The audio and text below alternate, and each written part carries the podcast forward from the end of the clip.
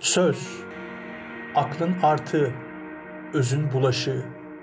Ne dersen de çoğu içinde kalır, kalsın zaten. Yazı, dilin şımarığı, elin uslanmazı, kağıdın kurnazı, mürekkebin fazlası. Gem almaz bazen. Yaz, söz veriyorum. Söz, yazacağım.